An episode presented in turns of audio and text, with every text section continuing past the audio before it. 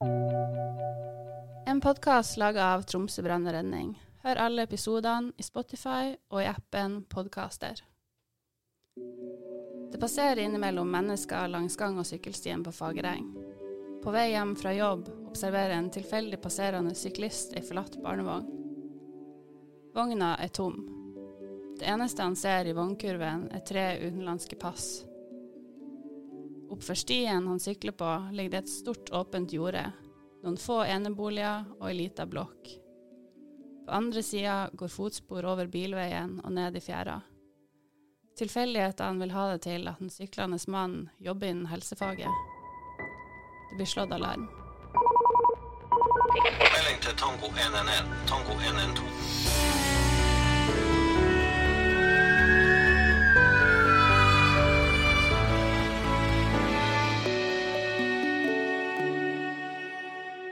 heter Linn Ramona Petersen og er kommunikasjonsrådgiver i Tromsø brann og redning. Jeg har ikke jobba som gravejournalist, men har alltid interessert meg for historiefortelling. Dette er podkasten 'Når asken har lagt seg' av brannvesenet. Når alarmen går på brannstasjonen i 2019, visste ingen i den vaktgående styrken hva som skulle møte dem. Ei forlatt barnevogn og tre pass var funnet av en forbigående på ei relativt øde strekke. Det er en helt vanlig dag i Tromsø. Det blir 2. desember, og snøen ligger allerede som et hvitt teppe over byen. Julegavehandelen er i gang, og i Storgata er julelysene hengt opp. På sydspissen av Tromsøya skulle det vi i dag kaller Fagereng-tragedien, utspille seg. Det er Olaf Jacobsen som er mann på sykkel. Han sykler til og fra jobb nesten uansett vær, tilfeldighetene vil ha det til at han er anestesisykepleier på UNN i Tromsø. Ja, jeg kom syklende uh, i sånn passelig uh, halvdårlig vær. Sånn uh, nullføre, vil jeg fleste si. Og litt sånn piskende småsne som pisker i fjeset. Men når du har briller når du sykler, så, så går det fint. Ja. Så så jeg plutselig på en helt øde gang- og sykkelvei på Fagereng, Sorgenfri. Jeg så det sto i barnevogn helt forlatt 150-200 meter foran meg. Det var ikke noe plass for å sette den hvis du skulle laste inn en unge i bilen, eller, eller hva du skulle gjøre. Det var heller ikke noe plass for unger å leke med ei barnevogn, som man kunne tenke seg. Jeg sykla forbi, eh, stoppa etter 20 meter, og så gikk jeg tilbake. Og så sjekka jeg barnevogna. Det var ikke noe unge i den. Det var ikke noe andre ting å se. Og så kikker jeg under. I den lille kurven under så lå det tre pass sånn arabisk eh, klingende navn. Eh, når jeg begynte meg opp, så var det ei som hadde stoppa, Vibke. Så eh, så jeg, samtidig når jeg begynte meg, jobba med barnevogna, så så jeg sporene i, mellom gangveien og bilveien. Det var en sånn god halvmeter med, med nybrøyta si, brøytekant. Og da så jeg sporene som gikk nedover mot hovedveien, og seinere så så jeg det jo den gikk nedover enga. Så spurte jeg Vibke om hun kunne hjelpe meg å søke, om hun ville være med å søke, og det sa hun ja til. Jeg låste elsykkelen, for jeg tenkte at det er lettstjelte saker. Eh, vi gikk nedover. Eh, halogenlykta på, på, hjelmen var slutta å virke, men jeg hadde lita lykt i, i, lomma. Og da så vi ulike spor nedover, noen små spor og noen større spor nedover mot fjæra, som gikk helt ut i vannet. Og så spurte jeg om hun kunne søke sørover mot Sorgenfri, og jeg tenkte å søke mot Hansmark fyrlykta. Samtidig som jeg ringte politiet. Jeg tenkte at her var en sånn veldig usikker sak. Kanskje et farlig skadested. Det var ikke noe som jeg som hadde formulert, men jeg, jeg, tenkte at det var potensielt farlig. Og eh, hvis jeg søkte da nordover mot eh, Hansmark fyrlykta, så prata jeg med politiet og fikk eh, alarmert dem. Det var forholdsvis bevisst at jeg gjorde det. Det var ikke sånn helt utrygt, det heller. Jeg kunne jo ringt 113. Men iallfall så um, fikk jeg søkt, og, um, og um, da så Vibke komme springende tilbake. Jeg gikk oppover for å lese navnene i passene, for det ville gjerne politivakta at jeg skulle gjøre. Og jeg fikk prøvd å, å lese den. Det var veldig vanskelig å prate i, i telefonen fordi at det blåste. Det var mye støy. Men med litt sånn uh, fomling så fikk jeg noe til. Og da kom hun med tre støvler som hun hadde funnet. To uh, litt mindre og en litt større. Og uh, jeg tror det gikk ikke mange minutter før jeg hørte politiet i det fjerne med, med sirener. Så det var på en måte starten på, på det hele. Jeg kunne jo ikke vite om det var sånn at det hadde vært fjæra sjø, og de hadde gått liksom ut av sneen og vandra langs, langs fjærene derfor der. Men for meg så, så det ut som vi var gått rett ut i vannet. Så det var, det var starten. Så tok jeg imot eh, politiet når de kom, og ga dem en sånn kort brifing og pekte nedover. Og de gikk på motsatt side av det ikke der sporene var, for å ikke ødelegge sporene. Eh, man visste jo ikke helt hva det var for noe, men det var liksom en, en ganske bevisst tanke tror jeg, fra dem. Og de hadde jo disse kraftige søkelyktene, sånn voldsomme, kraftige lykter.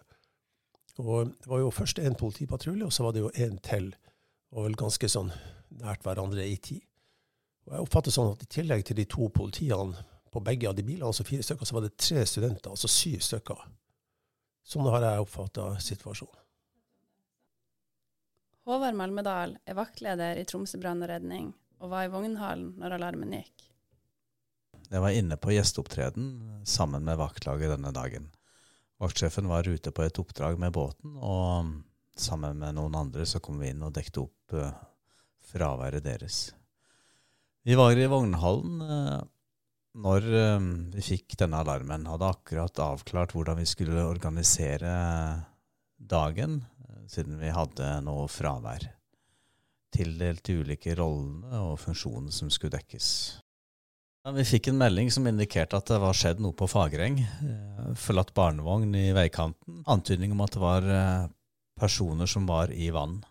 Det vi da gjorde, var at vi sendte ut uh, dykkerbilen, hvor vi klargjør én dykker, samtidig som vi klargjør for en overflateredder. Altså en person med dykkerutstyr på seg, og en med maske og svømmeføtter, som raskt kan komme seg ut og berge folk i overflata.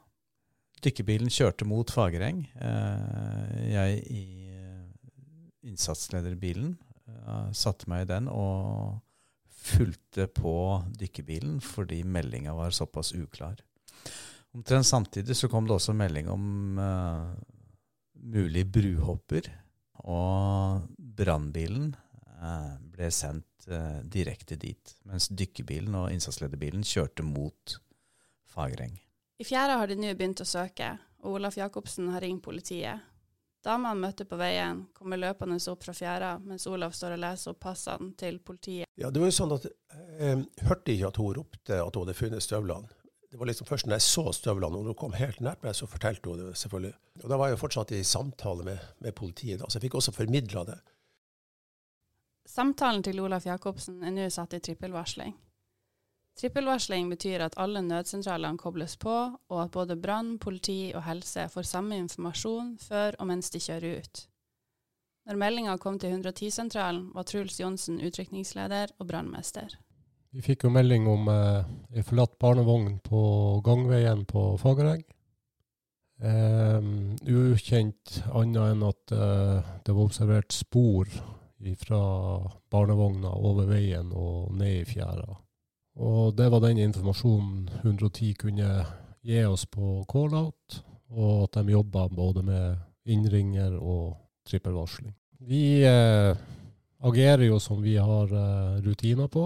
Eh, vi velger da å, å bekle dykkerbilen. to dykkere, en vanndykkerleder og meg som utrykningsleder. da. Og vi kjører da ifra brannstasjonen. Da vi da kommer uh, ut av Langnestunnelen, så får vi oppdatert melding i BAPS. BAPS det er jo da ei, ei uh, felles talegruppe som står for uh, brann, ambulanse og politi samvirke.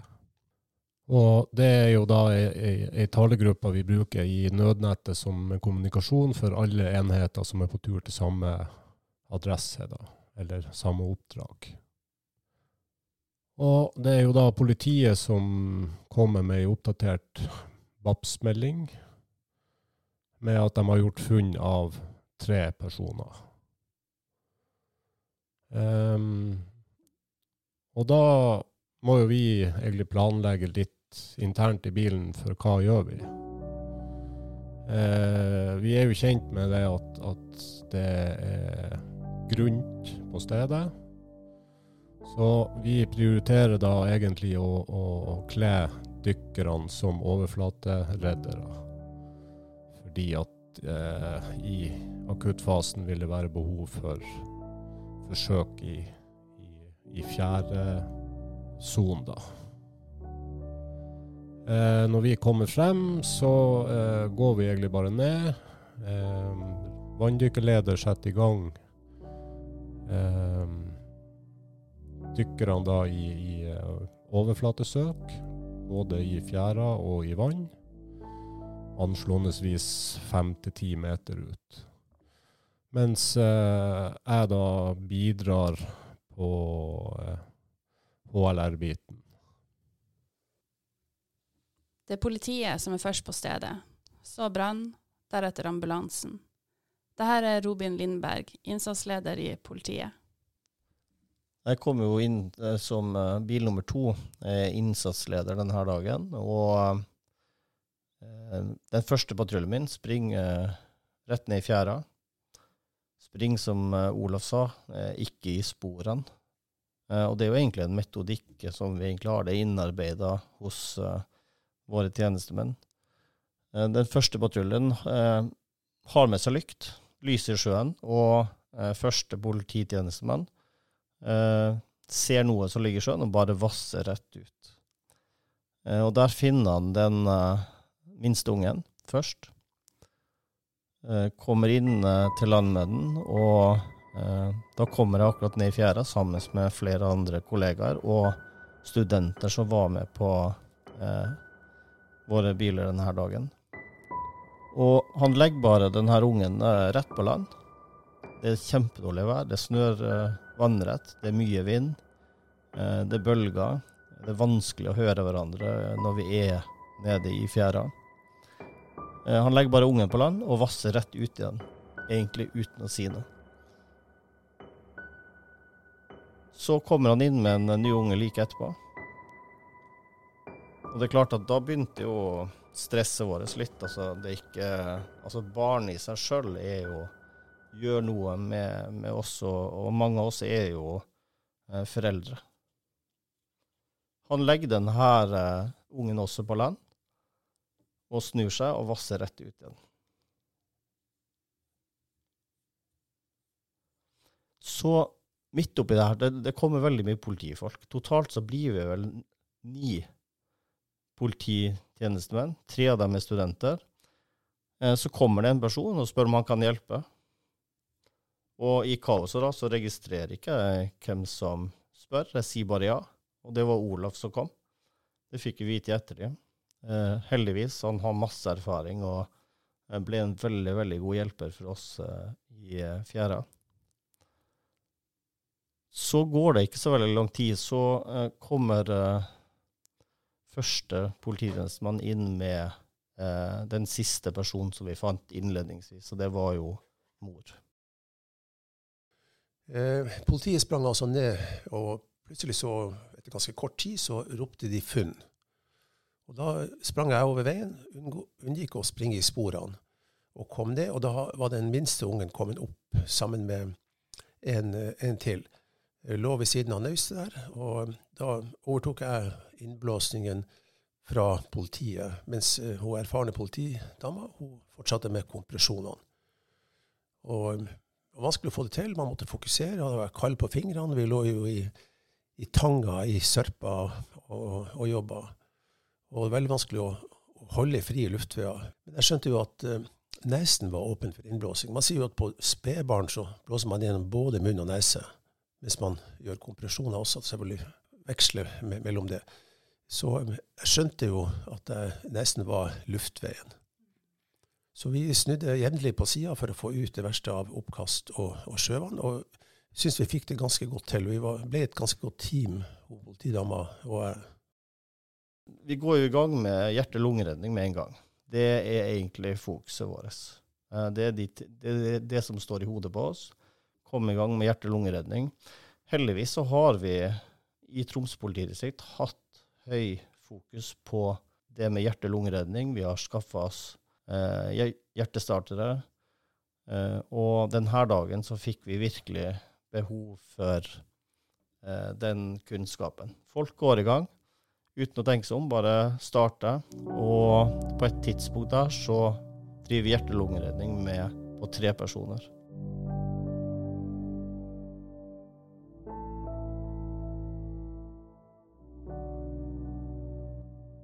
Ja, når vi kommer eh, til stedet, da, så er jo eh, politiet Altså, det, det skjer så mye på en og samme gang.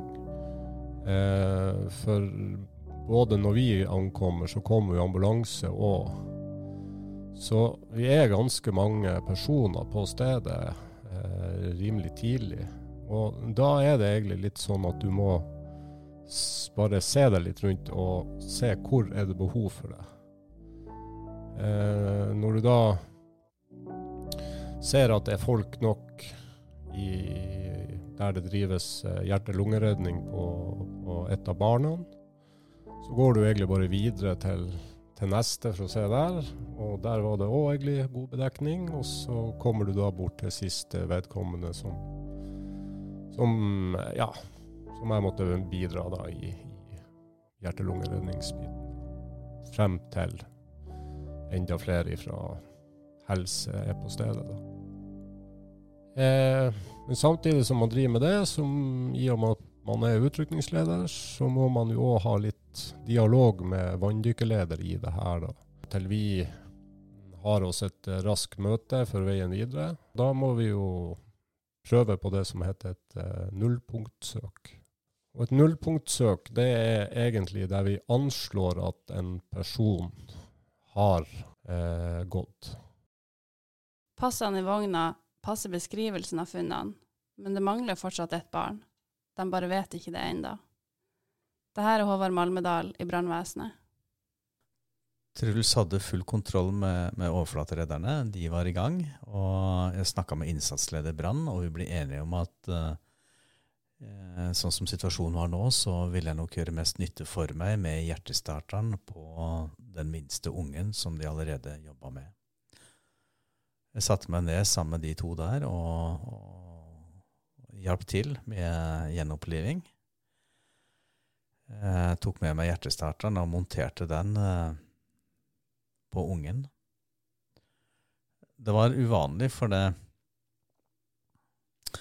Hjertestarter har pads som vi skal legge på brystet på ungen. Her var det en unge som var så liten, så det var ikke plass. Og heldigvis var han ene som jobba, anestesisykepleier, og sa at jeg skulle legge den ene paden på brystet på ungen og den andre på ryggen.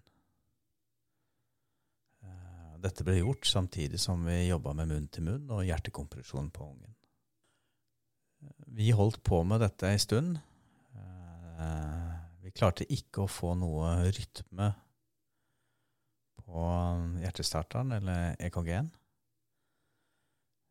Eh, Og heldigvis så kom eh, legevaktspersonellet, så vidt jeg husker, og sa fra at eh, nå skulle det prioriteres transport av pasientene inn til sykehus. For det var åpenbart at ikke vi kom noen vei videre i fjæra. Så de ønska å prioritere nå transport inn, og da oppvarming av de hypoterme pasientene. Um, og hypoterm, det betyr jo at de var nedkjølt. Um, og det er bra.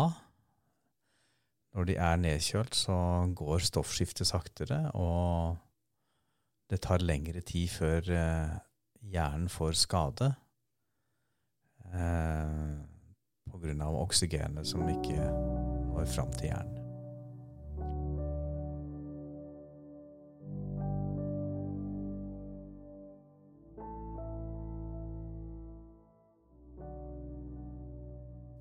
På ambulansestasjonen er Trine Linghaug sammen med sin kollega. Med seg på vakt hadde de NRKs TV-team, som på den tida gjorde opptak til 113-serien. Vi får jo ei, melding på, på senderne om at vi, det er forlatt barnevogn på Fagreng. Det var makkeren min sin tur å kjøre, så jeg får sette meg ned og se på meldinga mens jeg nav navigerer og ser hvor hun skal kjøre for å komme seg fortest fram til, til Fagereng. Det som skjer, er jo at vi har jo med oss ei dame fra NRK som filmer oss, som, eh, som, er, som vi er blitt kjent med over tid. Og eh, vi, må, vi må jo forholde oss til dem på tur ut og si at, eh, at eh, det her er en merkelig melding, så vi kan ikke si at vi, at vi kan filme på dette oppdraget, for vi har mer informasjon. Og det er jo det som går igjen hele veien, er at vi får jo ei muntlig melding om ei forlatt barnevogn, og så lurer man jo umiddelbart på hvor er mora, hvor er de ungene, hvorfor er det er veldig merkelig melding på å få. På denne tida hadde jeg jobba åtte år i ambulansen og hadde ikke vært borti ei sånn diffus melding. Og det handler jo først og fremst også om at eh, ei barnevogn er involvert, og da tenker du at det er barn involvert. Og det gir, det gir til alle som jobber i nødetatene, en klump i magen. Vi snakker litt på tur ut om, om, om det, men hun Therese og makkeren min hun jobber med veldig uh, mye trafikk på tur ut. Det var dårlig vær, det snydde mye. Så da har man noen hensyn å ta i forhold til sjåføren, at man kan ikke sitte og ta høyde for alle eventualiteter, for hun trenger litt ro til å, å kjøre også. Um, og jeg sier også til Therese på tur ut at uh, det kan hende, vi må faktisk tenke sånn at uh, det kan hende at det er noe kriminelt som har skjedd i den fjæra. At noen har ville tatt livet av de ungene. Og det her det husker ikke jeg at jeg har sagt. Jeg husker ikke at jeg har gjort de tankene på tur ut, og jeg husker ikke at jeg har sagt dem. Så det var veldig rart å se det på NN3-episoden, at jeg hadde sagt det. For det, det, gjør noe med deg når du går gjennom et sånt her oppdrag. Det er ganske Det er ganske tøft. Det gjør noe med deg som menneske. Det blir ganske tydelig rett før vi ankommer Fagereng at uh, det skal ikke filmes på dette oppdraget. Og vi, jeg rekker bare å gi en kort beskjed til hun som er med og filmer, at det blir ikke filming. Og, um, og, det er den avtalen vi hadde med NRK, at hvis vi sa det, så ble det ikke filming. Rett før vi ankommer Fagereng, så er det sånn at vi får kontakt med politiet. Da hadde vi egentlig prøvd å få kontakt med politiet og brann hele veien, men det var nok eh, Det var litt eh, rot med hvilken talegruppe vi skulle være i, og hvordan vi skulle kommunisere på tur ut. Så der mista vi noen minutter å planlegge i lag med dem. Og det gjør at bare to sekunder før Therese begynner å trykke på bremser for å parkere på Fagereng, så får vi ei krystallklar melding fra Robin fra politiet at det er snakk om eh, to livløse barn og en voksen, og at de driver på med gjenoppliving på alle sammen. Og det er ikke det vi helt trodde at vi skulle ut på. Vi, jeg hadde gjort meg opp noen tanker om at vi skulle ut på én pasient med hjertestans, kanskje, og at det, det helst da var den voksne, og at det var unger der. Men uh, da må du vri hodet ditt og pakke hodet ditt inn på det på veldig kort tid. Og det er ikke lett. Og det, det, det blir aldri lett. For da, da, visste vi at det, det, er barn involvert, og de er livløse. Så vi skal gjøre gjenoppliving på barn, og det, det er ikke dagligdags.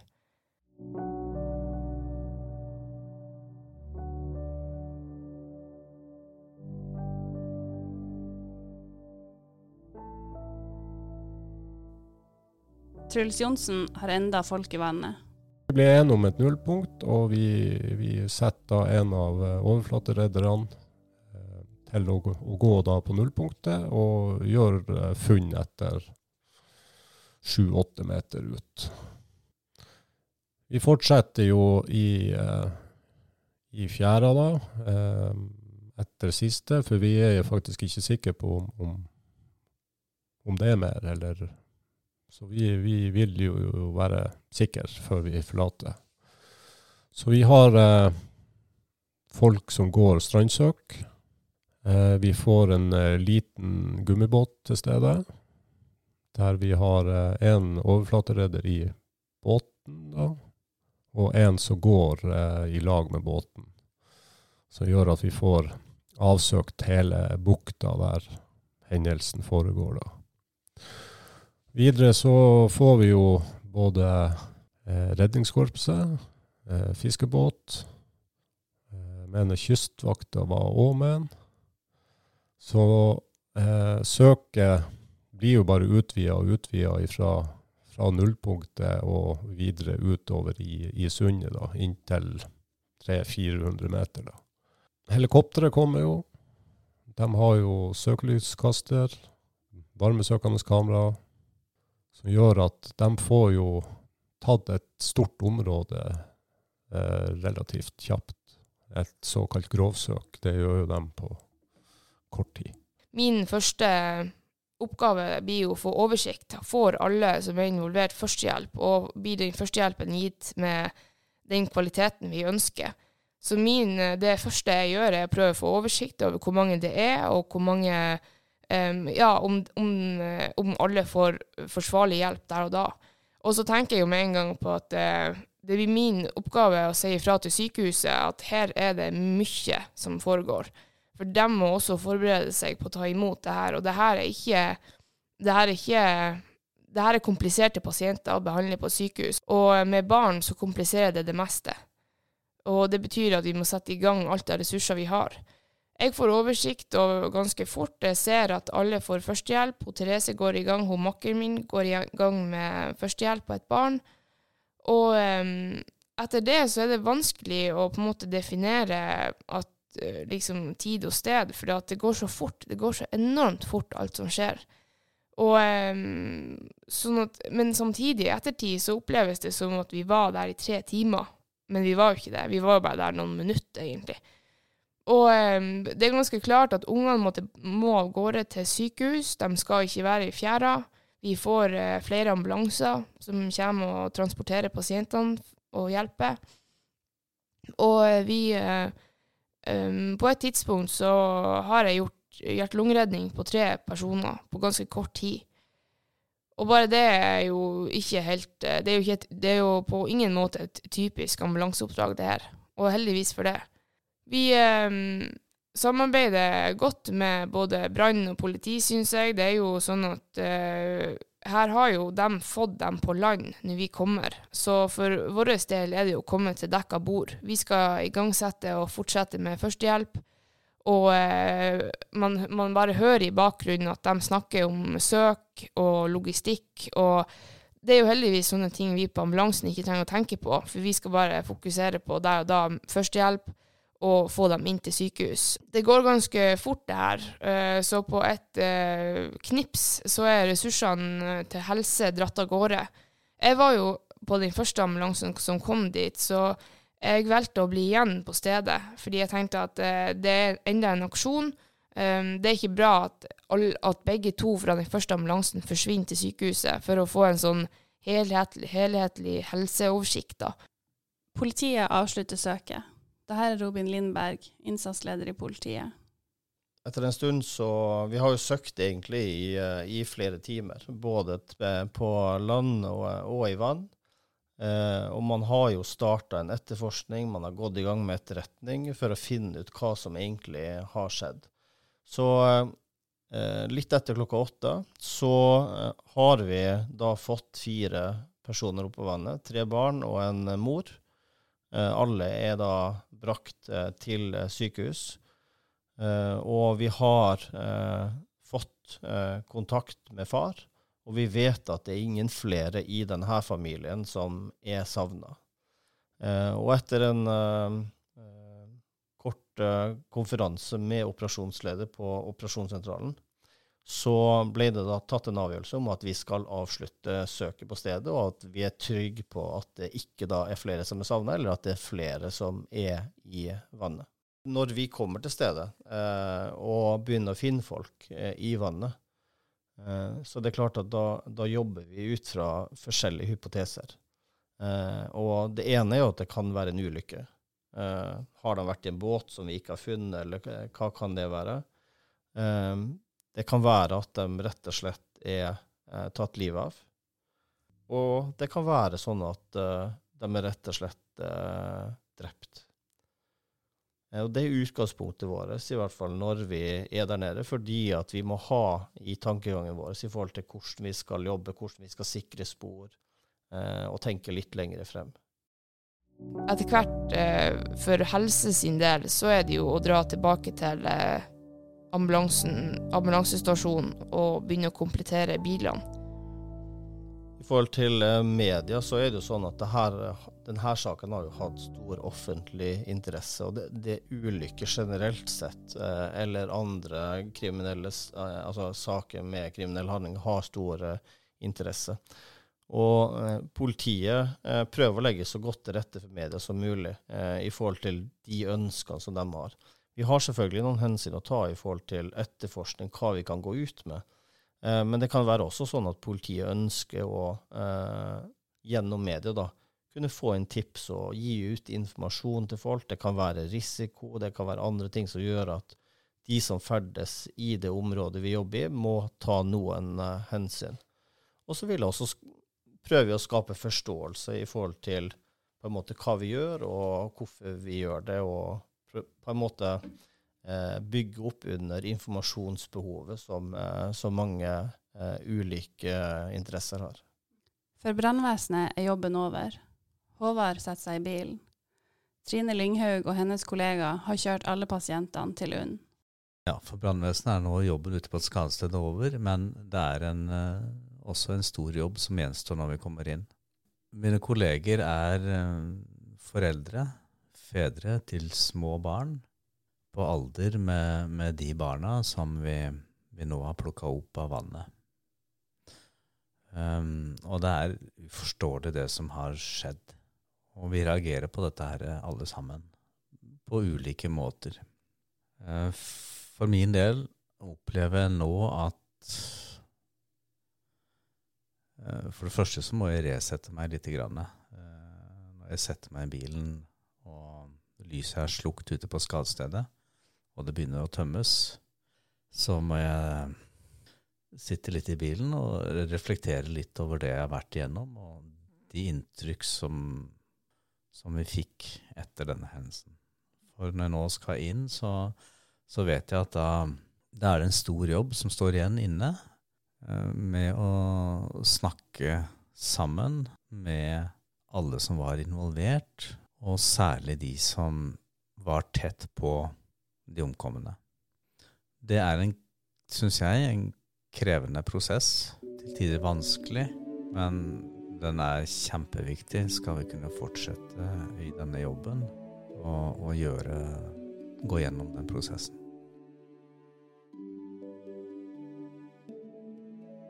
Når vi kommer til stasjonen, så er det jo, er det jo veldig mye utstyr som mangler. Vi må komplettere bilene og, og, vaske dem. Heldigvis så har vi gode kollegaer som stilte opp og som kom og, og gjorde det for oss.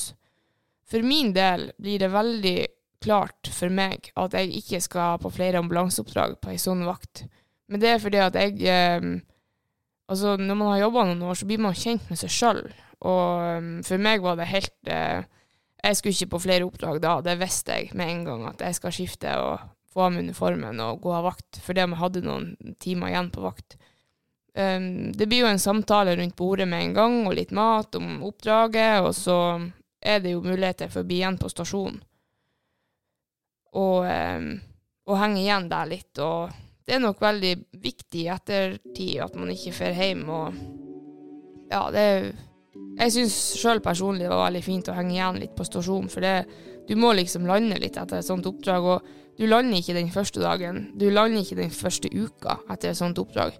Og for min del gikk det lang tid.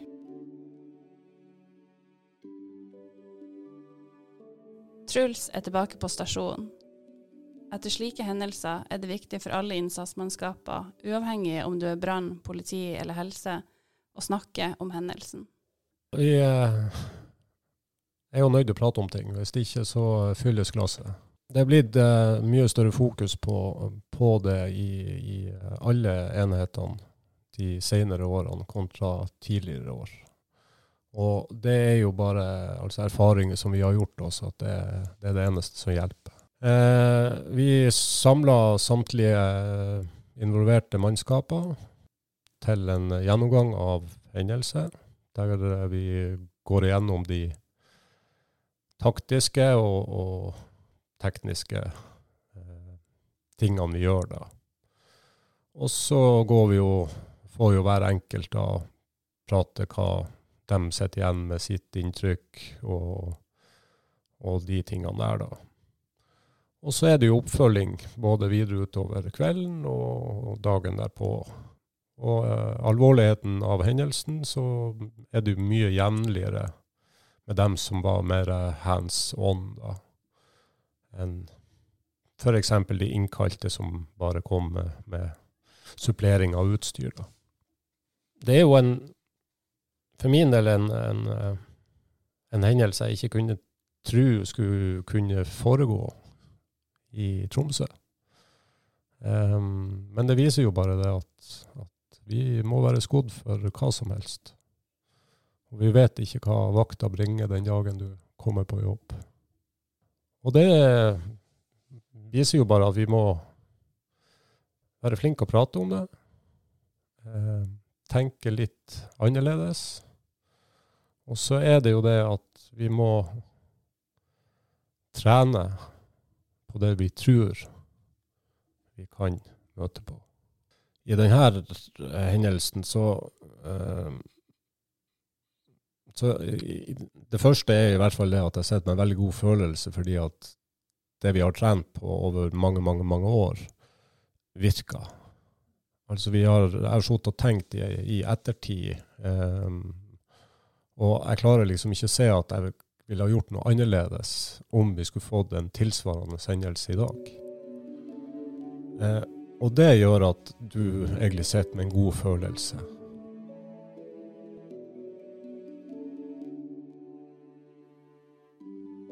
Etter hendelsen starter politiet rutinemessig etterforskning for fullt. Det her er Robin Lindberg i politiet. Ja, tidlig i uh, denne hendelsen så blir det jo klart at her kan vi stå overfor en eh, alvorlig kriminell handling. Det er i hvert fall en av hypotesene. Eh, og etterforskning kommer i gang kjempe, altså veldig raskt.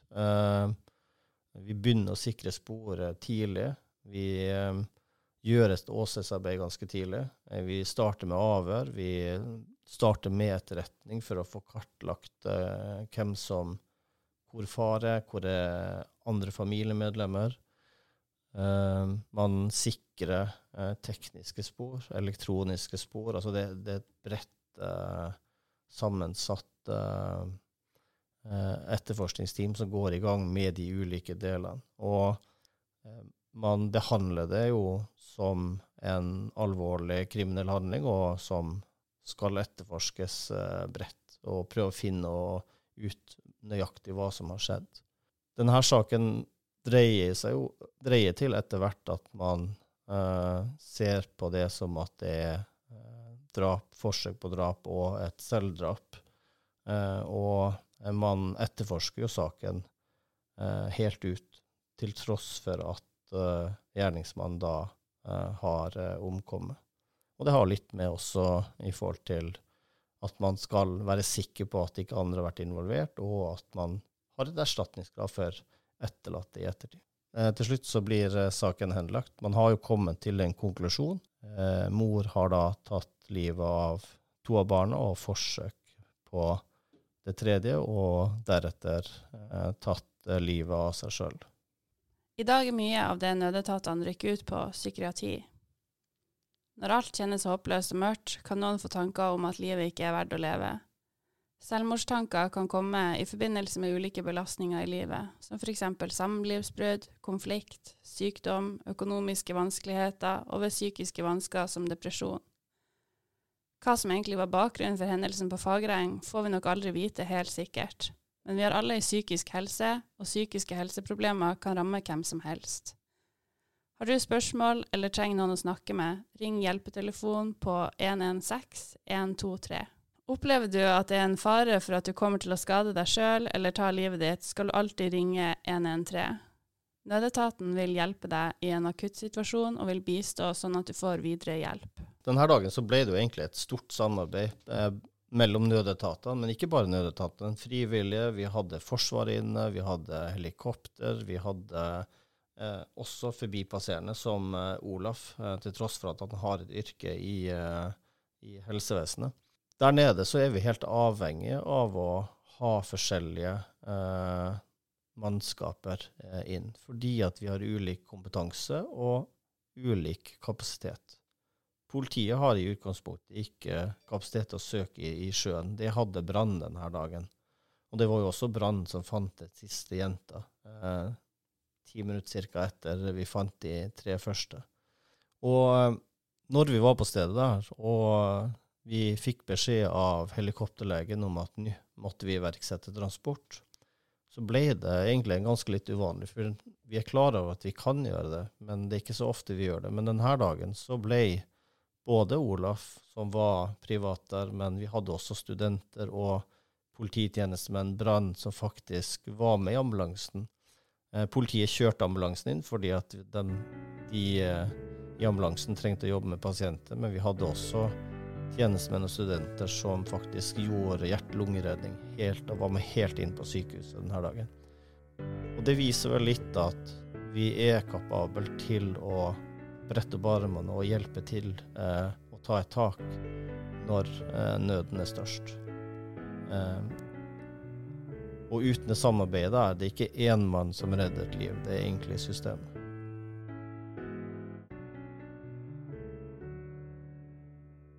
Vi har jo ei offisiell nettside som heter 113.no. Og Der står det litt om råd til du som har gitt førstehjelp. Det er jo forholdsvis sånn enkle, greie råd om hvordan man kan gå frem hvis man sjøl skal ta initiativ. Kanskje la med noen som kompis som man har vært til stede sammen med. Vi var heldige som hadde Olaf denne dagen. Men uansett om det hadde kommet noen andre, det viktigste er jo rådet til alle. Det er jo at man gjør noe. Det verste er å ikke gjøre noe. Man, hvis man ikke kan, så ringer man nødsentralene. Og så får man veiledning via telefonen. Og så gjør man etter beste evne inntil man har en etat eh, stedet. Det er en uvanlig varm sommerdag i 2023, og Håvard Malmedal tar meg med til fjæra på Fagereng. Den smale stien ned fra bilveien er 10-15 meter lang og har store tromsøpalmer rundt seg. Gresset når meg nesten til knærne. Når stien slutter, er fjæra kledd av stein. Noen så stor at du kan hoppe fra stein til stein om du ikke vil krongle deg rundt på alle små steinene. Det ligger et rødt naust der, med liggende påler som viser båten vei til det store havet. Fuglene kvitrer rundt oss, og det er virkelig å tenke på at her lå det ei mor med sine tre små barn og mottok kritisk førstehjelp for bare fire år siden. Idyllen som er her denne dagen, er i stor kontrast. Det er mange som kvier seg for å ringe nødnumrene, men om du en gang skulle stå i en situasjon hvor du er usikker på om du skal ringe til nødetatene, er det alltid bedre å ringe en gang for mye enn en gang for lite. Vi har ingen å miste. I ettertid av hendelsen vet vi at mora og de tre barna gikk av bussen på Fagereng. Gikk et stykke, for så å forlate barnevogna, passene sine og et par skjærøkser. Gikk alle over veien og ned i fjæra.